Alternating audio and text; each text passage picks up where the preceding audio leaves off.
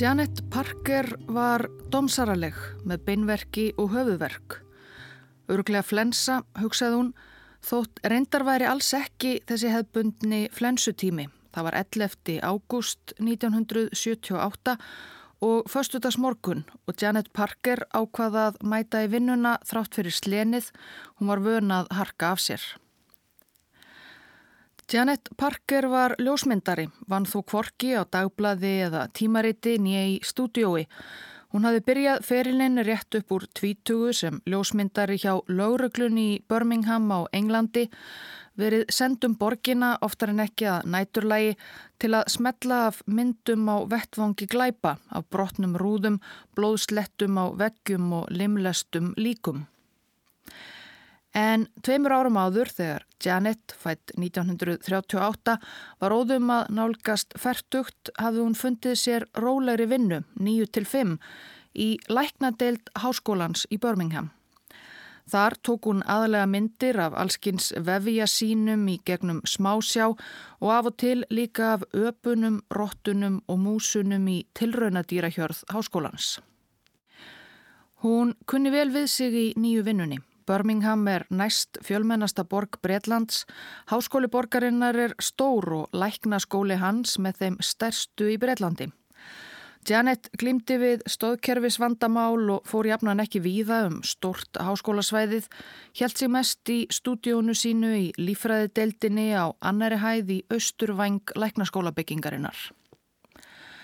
En hún var vel liðinn og hafði eignast ágætan hóp samstarskvenna sem hittust og drukku kaffi saman alltaf þrísvar yfir daginn á kaffistofu tæknimanna lífræðideldar á sömu hæð.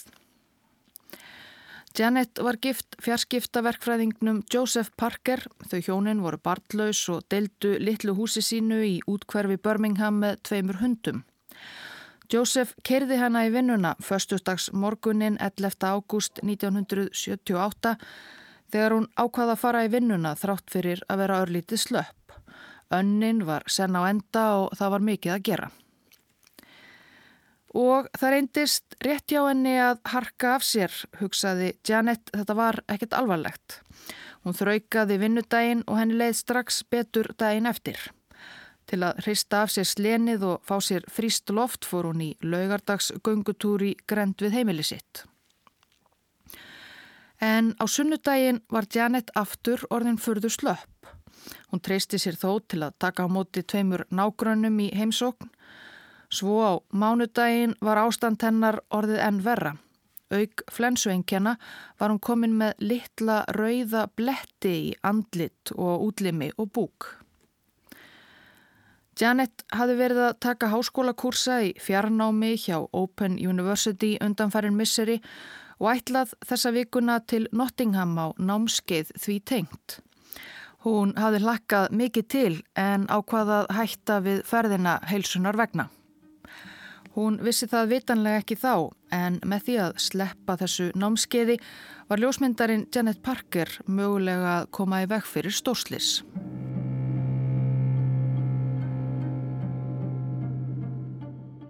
Heimilisleiknir Janet vitjaði hennar þriðju daginn 14. ágúst. Hún var þá komin með blöðrubolgu svo leiknirinn skrifaði upp á síklarlif en að öðru leiti virtist honum sem Janet væri með hlaupabólu. Útbrotin á líkama hennar og andliti bentu sannarlega til þess. Þetta myndi eflaust ganga yfir. En Janet var einhverja síður undrandi á greiningunni þar sem hanna rámaði í að hafa fengið hlaupabólu sem ung stúlka. Hún hjælt sig áfram heima fyrir en batnaði lítið. Tæpri viku síðar, mánudaginn 21. ágúst, var ástand Janet orðið lítið skára þrátt fyrir að hafa reynd nokkur mismunandi síklali frá heimilisleikninum. Joseph, maður hennar, flutti hana þá heim til foreldra hennar, Fred og Hildu Whitcomb sem byggu ekki langt frá. En foreldrunum tókst ekkert betur að hlúa að Janet. Henni var orðið ílt allstaðar með háan hita og rauð útbrotin á líkama hennar urðu bara útbreyttari og verri. Meðugudaginn 24. ágúst kolluðu gömluhjónin á sinn eigin heimilisleikni. Henni fannst einkennin ekki endilega að koma heim og saman við hlaupabólu og eftir að hafa brotið nokkuð heilan mælti hún með því að Janet erði flutt á sjúkrahús.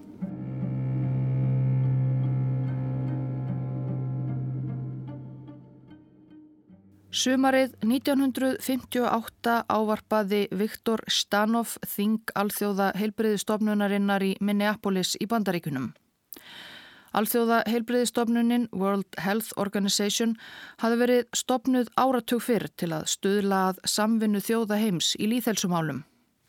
Stopnunin hafði á fyrstu árunum meðal annars barist gegn malaríu á heimsvísu. En í ræðusinni á þinginu mælti Stanov, læknir og verufræðingur frá Donetsk í Úkrænu og aðstóðar heilbreyðisráð þeirra Sovjetiríkjana fyrir nýri áherslu. Þjóðir heims ættu undir formerkjum heilbreyðistofnunarinnar að berjast gegn sjúkdómi sem hafi herjað á menn í þúsundir ára og valdið mannkinni ómældum þjáningum og dauða bólusótt. The battle against smallpox The dreaded disease. The perilous smallpox lies over the city. Áður hefur verið fjallað eilitið um sögu bólusóttar í þessum þætti, sérstaklega þau þáttaskil sem verðu í sögu sóttarinnar undir lok átjándu aldar þegar enski sveitalæknirinn Edward Jenner útbjó fyrsta almennilega bóluefnið við sóttinni. Bólusótt er bráðsmitandi veirusjúkdómur sem herjar á ónæmiskerfið, veldur hryllilegum útbrotum og fleiri alvarlegum enkennum og hefur í aldanarás dreyið alltaf þriðjung þeirra sem smitast til dauða. Aðrir býða sjúkdómslegunar aldrei bætur. Það er engin lækning. En markvíslegir sigrar unnust í baráttunni við bólusótt eftir afreg Jenners, framfarir í bóluöfnaþróun þar á meðal. Einni og hálfuri öld eftir Dag Jenners þegar Viktor Stanov ávarpaði þing alþjóða helbriðistofnunarinnar var bólusótt hægt að vera eins mikil ógn á vesturlöndum en feldi enn fólk í hrönnum víða í fátækari löndum eða um 2 miljónir manna á ári. Mannfall sem Stanov taldi alveg óþart. Með samstiltu átæki í bólusetningum og einangrun smita væri hægt ekki bara að draga úr döðsföllum heldur útrýma bólusóttinni alveg. Fulltrúar á Þingi Alþjóða helbriðistofnunarinnar 1958 samþyktu álíktun Stanofs en verkefnið hljómaði dýrt og erfitt og komst ég ekki almennilega á skrið fyrir en áratug síðar upp úr 1967. Bandaríkin, Sovjetiríkin og fleiri ríki fjallust þá á að kosta umfangsmikla bólöfna framleiðslu. Næstu árin vann herr fólks á vegum alþjóða helbreyðistofnunarinnar svo gríðarlegt afreki bólusetningu í löndum þar sem sóttin var skæðust, engum í Afríku og Asíu. Bólusetjararnir lögðu mikið á sig, brutust í gegnum skóa, örkuðu yfir vígvelli í stríðshrjáðum ríkjum, óðu yfir ströymharðar ár með viðkvæm bóluefnin á bakinu. Og með fram bólusetningum var beitt harðfylginni smitrakningu og einangrun. Væri grunur um smit var viðkomandi einangraður og allir sem hann hafi verið í einhverjum tengslum við. Þetta bar árangur. Haustið 1975 smitaðist þryggja ára stúlka í Bangladesh, Rahima Begum, af skæðara afbreyði bólusóttar Varjóla Major. Hún náði sér að fullu án þess að smita nokkur og varð þar með síðasta manneskjan til að smitast af þessu hættulegra afbreyði og tveimur árum síðar varð ungur sómalskur kokkur Ali Máv Malin síðastur til að smittast af vægara afbreyðinu Varjóla Mínor. Hann náði sér líka að fullu. Ári síðar 1978 hafði Alþjóða heilbreyðistofnunin ekki ennlýst formlega yfir sigri á sótinni en öllum var ljóst að hann væri svo gott sem í höfn. Engin smitaðislengur af bólusótt. Bólusóttar veirur voru orðið einungis geimdar og meðhöndlaðar á örfáum rannsóknarstofum í heiminum og alltaf undir ströngu eftirliti heilbriðistofnunarinnar. Meðal þessara rannsóknarstofa var eini í háskólanum í Birmingham á Englandi staðsett á jarðæði austurvæng læknaskóla byggingarinnar, beint fyrir neðan lífræðideild skólans og stúdíó ljósmyndara.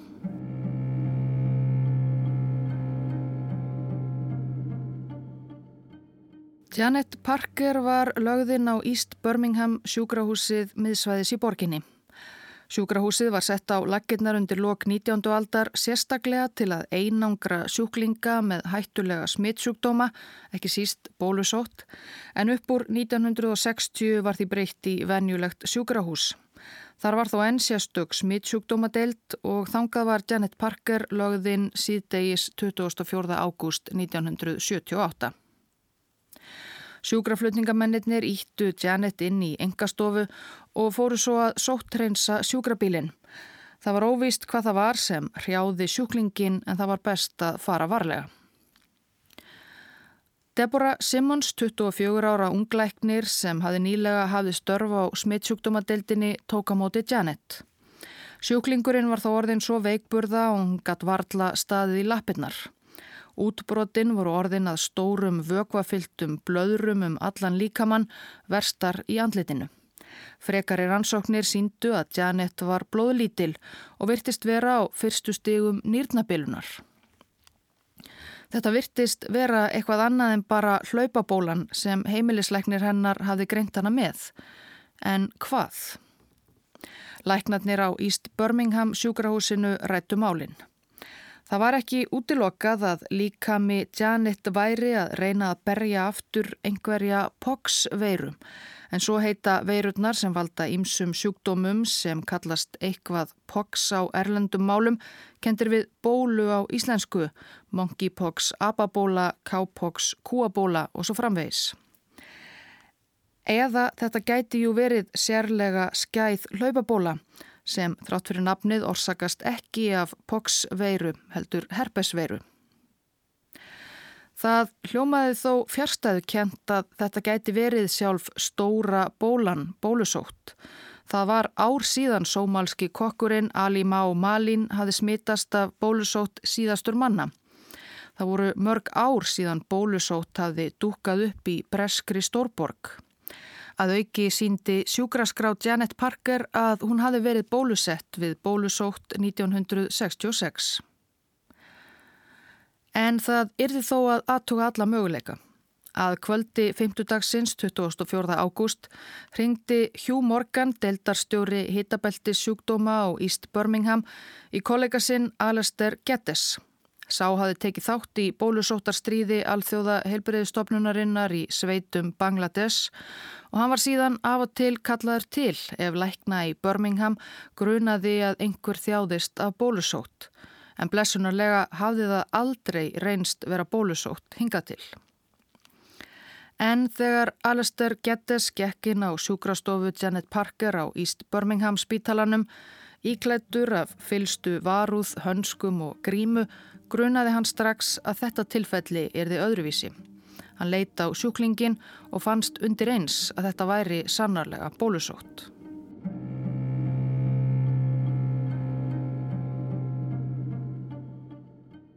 Janet Parker gaf Geddes upplýsingar um ferðir sínar og gjörðir síðustu daga og vikur. Hún hafði ekki farið til útlanda lengi. Flest bólusóttar tilvik sem upphauðu komið í Breitlandi síðustu tvo áratugina eða svo tengdust ferðalögum til eða frá Pakistan, Bangladesh eða öðrum löndum sem hafðu þá ekki náð tökum á sótinni. Janet hafði sannarlega ekki verið neinstadar þar, nýja í samskiptum við nokkra ferðalanga frá fjarlægum löndum, bara fjölskyldu sína, vini og kollega. En Alistair Geddes komst líka því hvar Janet Parker vann í læknadeild Birmingham háskóla og hann vissi að þar í sömu byggingu var rannsóknarstofa þar sem Henry Betson, professor í veirufræði, stundaði rannsóknir á bólusóttarveirunni.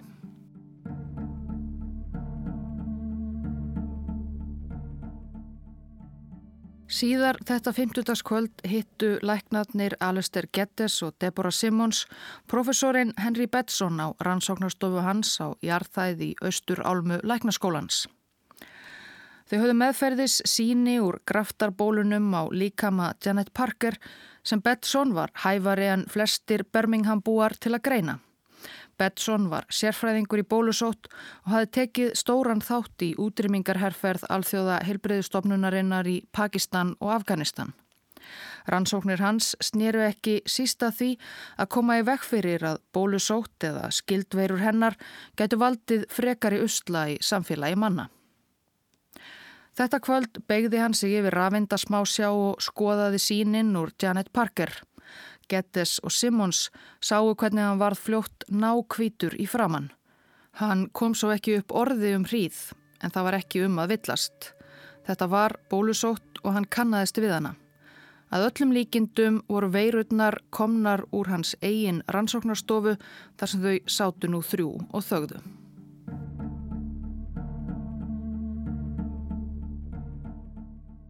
Um leið og sjúkdómsgreining Janet Parker var staðfest fór allt í gang á East Birmingham spítala. Það er stór hættulegt að hafa bólusóttuveika, bráð smitandi, inniliggjandi á sjúkrahúsum innan um annað veikt og varnarlöst fólk. Stór hluti bólusóttarsmita í Evrópu síðustu áratugina höfðu einmitt orðið innan sjúkrahúsa. Þess vegna hafðu áður fyrr verið starræktir sérstakir bólusóttveikra spítalar eins og East Birmingham hafi verið áður.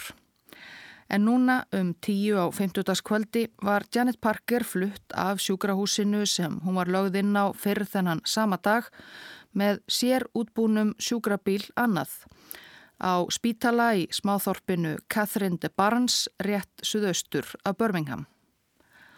Catherine de Barnes var einangrunarspítali, byggður til þess einungis að geta meðhöndlað hættulega smitandi sjúklinga langt frá öllum öðrum.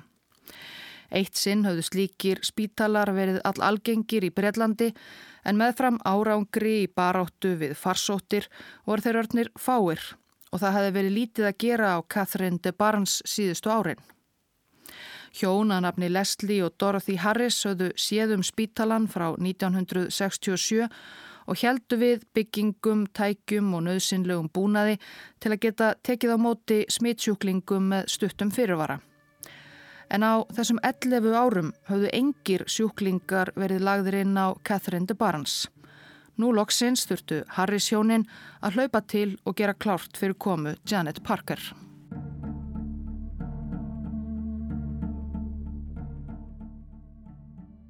Á meðan verið var að búa um Janet Parker á einangurunarspítalanum funduðu læknar, vísindamenn og fulltrúar heilbreyðis yfirvalda Birmingham borgar langt fram á nótt. Þau höfðu fengið í hendur gríðarstort verkefni, einhverja stærstu ógnu við líðheilsu Birmingham búa í ára raðir.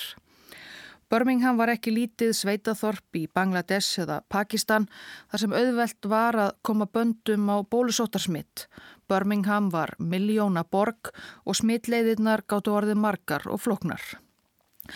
Búið var að loka East Birmingham spítala fyrir öllum nýjum komum og ringja í Joseph Parker, eiginmann Janet og tengda foreldra hans sem hafðu hjúgrað dóttur sinni og skipa þeim að halda sig innan dyrra í einangrunn. Von Bráðar byrtist líka læknir á dyraþrepinu sem bólusetti þau öll þrjú við bólusótt. Bóluefnið getur haft góð áhrif á framvindu sjúkdómsins jafnvel eftir smitt. Bólusetja þyrti alla sem komist hefðu í nokkur tæri við Janet síðustu daga og skikka þá í sótkví. Fötinn sem læknar og hjúgrunar fólk sem verið hafi nálagt sjúklingnum klættust var sapnað saman og þau brend. Deborah Simmons kvatti uppáhals vinnuskóna sína.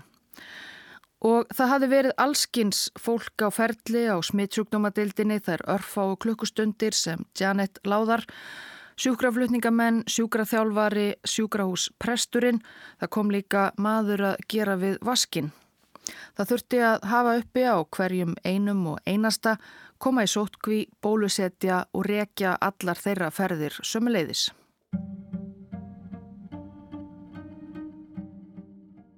Bólusótt smitast helst manna á milli í lofti við innöndun á smá drópum úr munni eða nefi smitaðrar mannesku.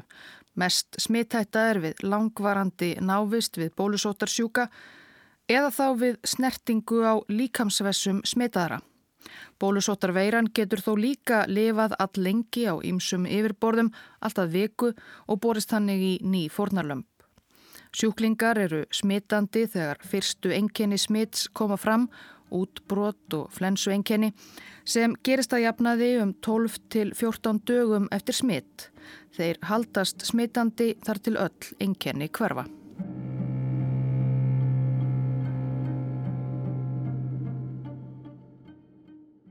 Allt í allt tóku um 60 læknar, 40 hjúgrunafræðingar, 85 heilbriðis eftirlitsmenn og um 100 starfsmenn aðrir þátt í aðgerðum í Birmingham næstu daga og vikur.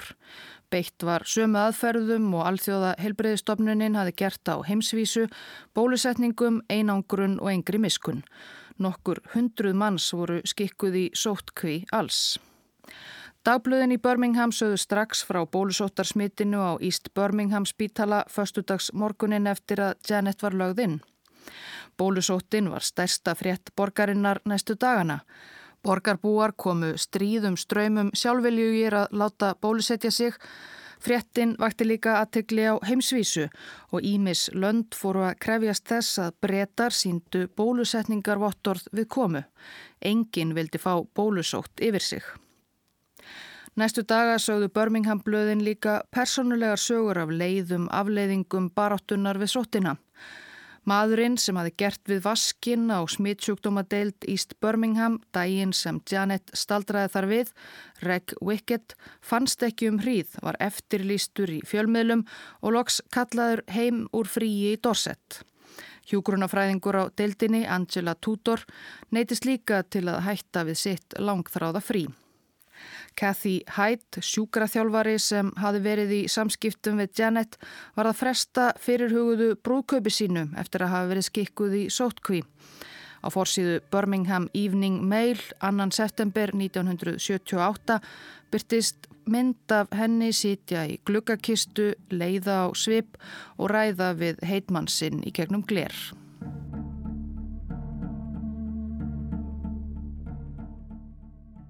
Um leið braut fólk heilan um hvað gæti hafa gerst, hvernig í óskupunum gæti Janet Parker hafa smittast af bólusótt, deyjandi sjúkdómi. Alþjóða helbriðistofnunin fyldist með starfi Henry Spetson, professors og manna hans á rannsóknarstofunni við Læknadeild Birmingham háskóla, rétt eins og öðrum stöðum þar sem bólusóttar veirur voru meðhöndlaðar. Stopnuninn hafi aldrei gert neinar alvarlegar aðtóasemtir við öryggismál í Birmingham. Bettsson sjálfur bjóst við að hætta rannsóknum og loka sjóppunni von bráðar þar sem bólusóttin væri á útleið. Og Janet Parker hafi aldrei átt á rannsóknarstofuna nokkurt erindi. Hún myndaði aldrei neitt fyrir þessa deild og allara síst hefði verið beðið um ljósmyndir af bólusóttarveiru sísvona. En rannsóknarstofinni var strax skellt í lás sem og vinnu aðstöðu Janet, stúdiói hennar og Myrkraherbergi. Öllum bólusóttarveirum var komið fyrir í fristi. Henry Betson var tímabundið leistur frá störfum sínum við læknadeildina Ekki vegna þess að hann var í grunaður um vannrækslu eða neitt misjamt, heldur svo hann sem sérfræðingur í bólusóttarveirum gæti hjálpað hinnu opimbera við rannsókn á smitinu eftir fremsta megni. En mörg þau sem áttu samskipti við Betsson dagana eftir að uppkomstum smitið veittu því eftirtækt að Betsson tók atbyrðina mjög inn á sig og virtist þungur. Annars var hann ekki maður sem bar tilfinningar sínar mikið á tork. Ekki batnaði það 30. ágúst þegar heilbriðis yfirvöld ákváðu að skikka til öryggis alla starfsmenn rannsóknarstofunar í háskólanum í sóttkví. Bettsson þurfti þá að sitja heima og gæti ekki komið að miklum nótum við rannsóknina meir. Föstudaginn 1. september 1978 voru 20 dagar síðan Janet Parker fór fyrst að kenna sér meins. Betson professor var heima í sótkví. Hann tók því rólega með eiginkonu sinni heima fyrir í útkverfi Birmingham eins rólega á hægt var undir þessum kringumstæðum heimasímin stoppaði ekki. Blöðin í Birmingham hafðu strax í fyrstu fréttum af bólusóttinni förstu daginn 25. ágúst greint frá því að Janet inni í læknadeildinni og grunur leki á að bólusótt hefði sloppið af rannsóknastofu þar. Allir bladamenn Birmingham ringdu stöðugt og vildu vita hvort rannsóknastofa Betson spæri ábyrð á smitinu. Hafði eitthvað farið úrskeiðis. Blaðamenn höfðu líka verið að sniglast fyrir utan hjá Betsson hjónunum. Eftir morgunverði í rúminu fóru þau hjónin út í garda fór sér ferst loft og snirta beðin. Um tíuleitið ringdi símin en eina ferðina. Kona profesorsins Pat Betsson fór inn að svara og til allrar hamingju var þetta vinkona hennar, ekki enneitin bladasnáburinn. Á meðan hún spjallaði við vinkonu sína fór Henry Betsson, profesor í veirufræði, inn í gardskúr, læsti að sér og skar sig djúft á háls með eldúsnýf. Þegar Pat Betsson kom að manni sínum blóðugum í gardskúrnum var hann enn á lífi en hann var alvarlega sár og lést á sjúkrahúsi 7. september án þess að hafa komist til meðvitundar. Hann var 48 ára. Ekki hans fann síðar hans hinsta bref í gardskúrnum. Mér þykir fyrir því að ég hafi ekki reynst verður tröst svina minna og kollega. Og mest af öllu að hafa komið óorði á konu mína og ástkær börnin mín.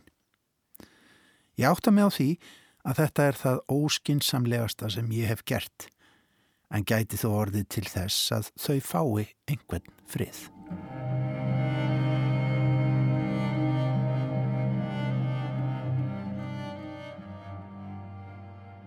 Á meðan týjir manna unnu að smitrakningu og rannsóknum lág Janet Parker á einangruna sjúkrahúsinu í Catherine de Barnes ein í sjúkrarúmi í sál sem annars gatt rúma tögi sjúklinga. Undir eftirliti lækna og hjúgrunafræðinga sem hefðu fallist á að dvelja sjálfi sóttkví á spítalanum meðan á meðhöndlun hennar stóð. Þar á meðal var Deborah Simmons, unglæknirinn sem hafi fyrst tekið á móti Janet á East Birmingham og strax nóttina sem ljóst var að hún þjáðist af bólusótt bóði sér fram til að sjá um hann áfram.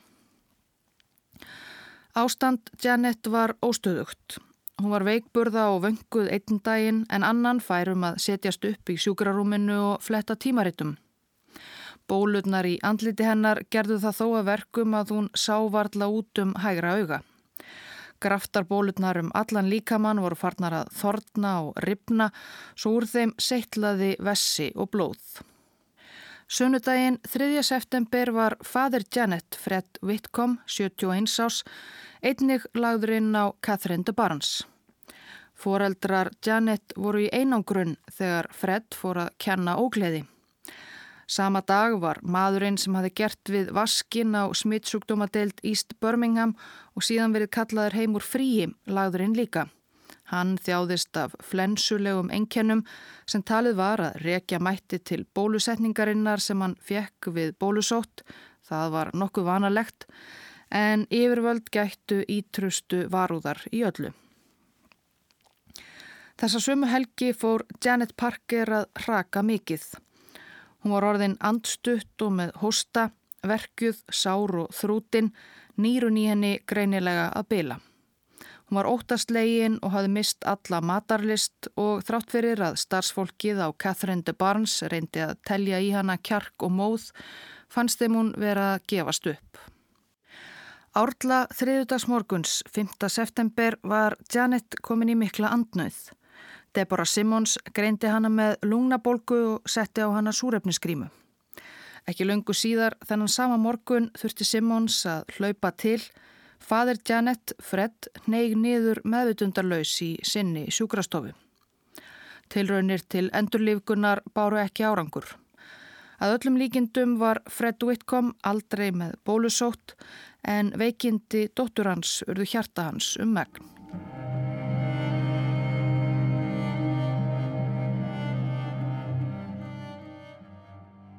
Næstu daga voru nokkra manneskjur til viðbótar lagðarinn á Catherine de Barnes, fólk sem hægt var að tengja við Janet beint og óbeint.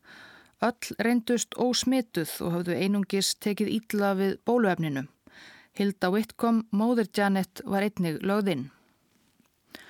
Læknarnir á einangrunarspítalanum í Catherine de Barnes reyndu ímislegt til að hressa upp á Janet sem var þó bara veikari og veikari. Hún var nú mikið til með óráði, orðin blind á báðum augum og allt andlit hennar að breytast í einn ólögulegan klump af hrúðri og kílum sem stöðugt vætlaði úr gröftur. Eginmanni hennar Joseph var bóðið að koma að heimsækjana en hann neytaði. Hann hjælt ekki að kona hans vildi að hann sæja hana í því ástandi sem hún var. Kanski réð Joseph heldur ekki við þá tilugsun. Og Janet fekk heldur ekki að vita af andláti föður síns sem neig niður í næstu sjúkrastofu. Rétt fyrir klukkan fjögur aðfaranótt 11. september 1978 kallaði hjúgrunafræðingur á vakt Deborah Simmons að sjúkrasæng Janet Parker. Hún andaði ekki og Simmons fann engan púls. Janet Parker var látin 40 ára að aldri.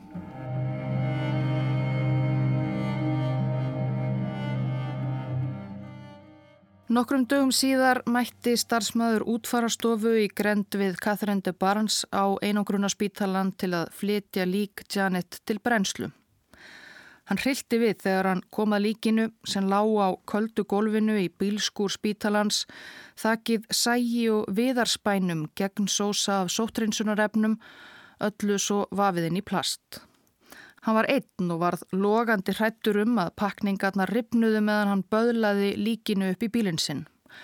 Lauruglubílar fylgdu líkbílnum svo alla leiðina til líkbrennslunar. Janet Parker ljósmyndari var lögð til hinstu kvílu 15. september 1978, 35 dögum eftir að hún fór fyrst að finna fyrir veikindum. Fadir hennar hafi verið borin til gravar dægin áður.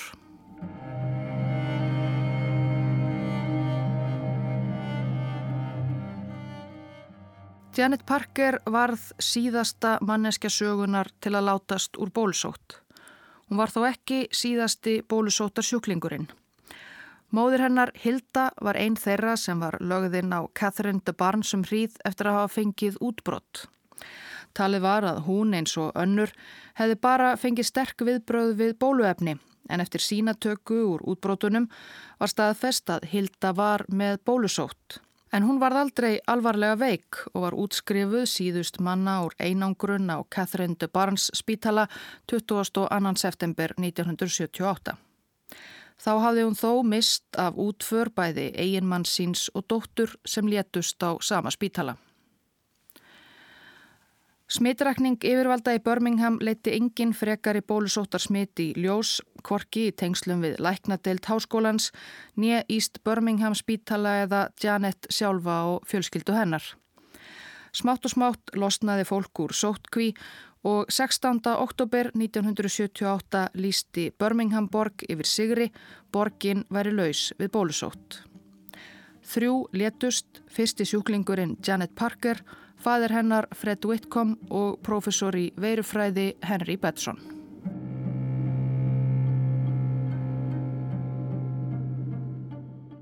Borgarlífið í Birmingham var fljótt farið að ganga aftur sinn vana gang og það leið ekki á löngu áður en bólusóttarfárið haustið 1978 var horfið flestum úr huga. En eftir stóð að komast að því hvernig óskupunum Janet Parker smitaðist og koma í veg fyrir að nokkuð þessu líkt geti gerst aftur. Skýrsla rannsóknar nefndar um smitið undir formensku örverufræðingsins Reginalds Shooter var gerð aðgengileg almenningi í júli 1980. Nemndin taldi engan vafa leika á að Janet hefði smitast í vinnunni. Rannsóknaði leitti ljósað veiru afbreyðið sem var þenni að bana hafi verið meðþöndlað á rannsóknarstofu læknadeildarinnar 24. og 25. júli 78 rúmum þremur vikum áður en Janet fór að kenna sér meins. Þetta tiltekna afbreyði var kent við þryggja ára pakistanskan dreng Abid úr hverjum það var fyrst einangrað. Líklegasta smitleiðin sangat skýrslu sjúternemdarinnar var í lofti. Veiran geti hafa borist með loftströymi um lagnir úr rannsóknarstofinni og innum opna glugga á næstu hæð fyrir ofan annari hæð. Þar hafði Janet Parker stúdiósitt og myrkraherbergi en sjúterskíslan taldi mestar líkur á að smitið hefði orðið í öðru herbergi á annari hæð. Þar var sími sem Janet Parker notaði reglulega meðal annars 25. júli þegar hún þurfti að panta byrðir af filmum og framkvöldunarvögva. Niðurstaða sjúterskíslunar var og er umdelt. Vinnu eftirlit Breitlands höfðaði mál á hendur Birmingham Háskóla og grundvelli skíslunar fyrir brot á öryggisreglum en sérfræðingar í bólusótt sem kallaðir voru fyrir dómin þóttu sína að niðurstöður skíslunar stæðust ekki skoðun. Veiran hefði aldrei getað ferðast með lögnum um bygginguna og síkt Janet á þann hátt sem fullirt var. Gríðarlegt magn veiru hefði alltjönd þurft að sleppa af stofinni til að nokkuð slíkt geti gerst. Háskólinn var það endingu síknaður af öllum ásökunum. Mark Pallen, breskur örverufræðingur sem meðal annars hefur unnið sér það til fræðar að stinga upp á því að nefna markvísleg afbreyði korunveirunar SARS-CoV-2 eftir grískum bókstöfum, gaf 2018 út bókina The Last Days of Smallpox eða síðustu dagar bólusóttarinnar um atburði höstsins 1978 í Birmingham. Hann gefur í bókinni lítið fyrir þær niðurstöður sjútarnemdarinnar að veiran geti hafa borist til Janet í lofti langa leið. Pallen rifjar upp í bókinni Annað atvik sem 1978 var flestum nær gleimt. Tólf árum áður, síðla vetturs og vorið 1966 greindust um 70 manns með bólusótt í mið héruðum Englands. Öll náðu sér að fullu. Þetta var blessunulega vægt afbreyði sótarinnar varjóla mínur. Rekja tókst öll smitinn til 23 ára gamals manns, Tony McLennan, sem bjó með foreldrum sínum í þorpinu Stone um það byrj miðja vegu melli Manchester og Birmingham. Hann hafi verið veikur í nokkara daga meðal annars fengið útbrot í andletið, jafnað sig og engan grunað að um bólusótt væri að ræða fyrir en síðar og ekki tókst að rekja smitið lengra aftur. Tony McLennan var skemtanaglaður ungur maður og fór mikið á pöppin og í parti og blandaði þar oft geði við innflytjendur og fólk sem verið hafði á ferðalagi. Það hlauta skýra það, hugsuðu helbreyðis yfirvöld og hrósuðu happi að böndum hefði verið komið á sótina. Engin veitti því sérstaka eftirtækt að á hverjum virkum morgni fór Tony McLennan söður til Birmingham þar sem hann vann sem ljósmyndari við læknadeild háskólans í byggingu þar sem einnig var að finna rannsóknarstofu sem gerði tilraunir á bólusótarveirum. Tony McLennan var forveri Janet Parker í starfi. Í sjúter skíslunni var reyndar bent á þetta sem eina sönnun þess að veiran hefði áður geta borist einhvern veginn með lögnum upp á efrihæðina þar sem ljósmyndarannir unnu. Tony McLennan saðist reyndar aldrei hafa farið inn í símaherbergi þar sem Janet átti að hafa smittast en ekki var dvalið við það. 2018 rætti Mark Pallen við lögmannin sem var verjandi Birmingham háskóla í dómsmálinu vegna bólusótarsmittsins 40 árum áður.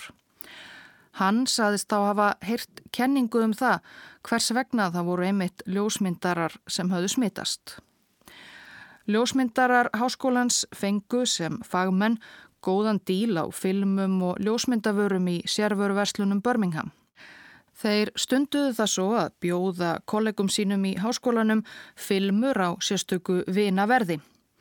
Orðið á göngum læknadeildarinnar, saði verjandin rítöfundunum Mark Pallen, var að bæði Tony McLennan og Janet Parker hefðu stunda það að fara reglulega á milli deilda, banka upp á og bjóða filmur til sölu. Þetta hefði gefist vel og eftirspurnin skiljanlega verið mest áður en háskólafólkið fór í frí með myndavelar sínar í hönd. Eins og fyrir annar loki ágústbyrjun þegar Janet hefur að líkindum smittast af bólusótt og vetrarfríið í februar þegar ætla má að forveri hennar Tony hafi smittast af vægar í veiru. Getur verið að Janet Parker hafi farið niður á bólusóttar rannsóknarstofuna á jarðhæðinni til að selja þar filmur og slísast þar til að anda að sér veiru á sveimi um loftið eða snerta hanskalauðs og sóttrensað yfirborð. Engin kollega Janet sagði frá nokkru í þessa átt á sínum tíma við rannsóknarnemdina eða í dómsal en það hefði það verið skýrt brot á öryggisreglum læknadeildarinnar bæði fyrir hana og filmukaupandan. En ef slíkir söluleiðangrar hafðu verið stundaðir árum saman var kannski ekki að undra að enginn áttaði sig á því hver hættulegir þeir gátti verið í raun. Annars verður líklega aldrei upplýst til hlítar hvernig síðasta bólusótarsmitt sögunar kom til.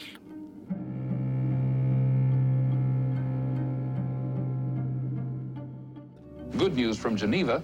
The World Health Organization has made it official. Smallpox throughout the world has been virtually eliminated.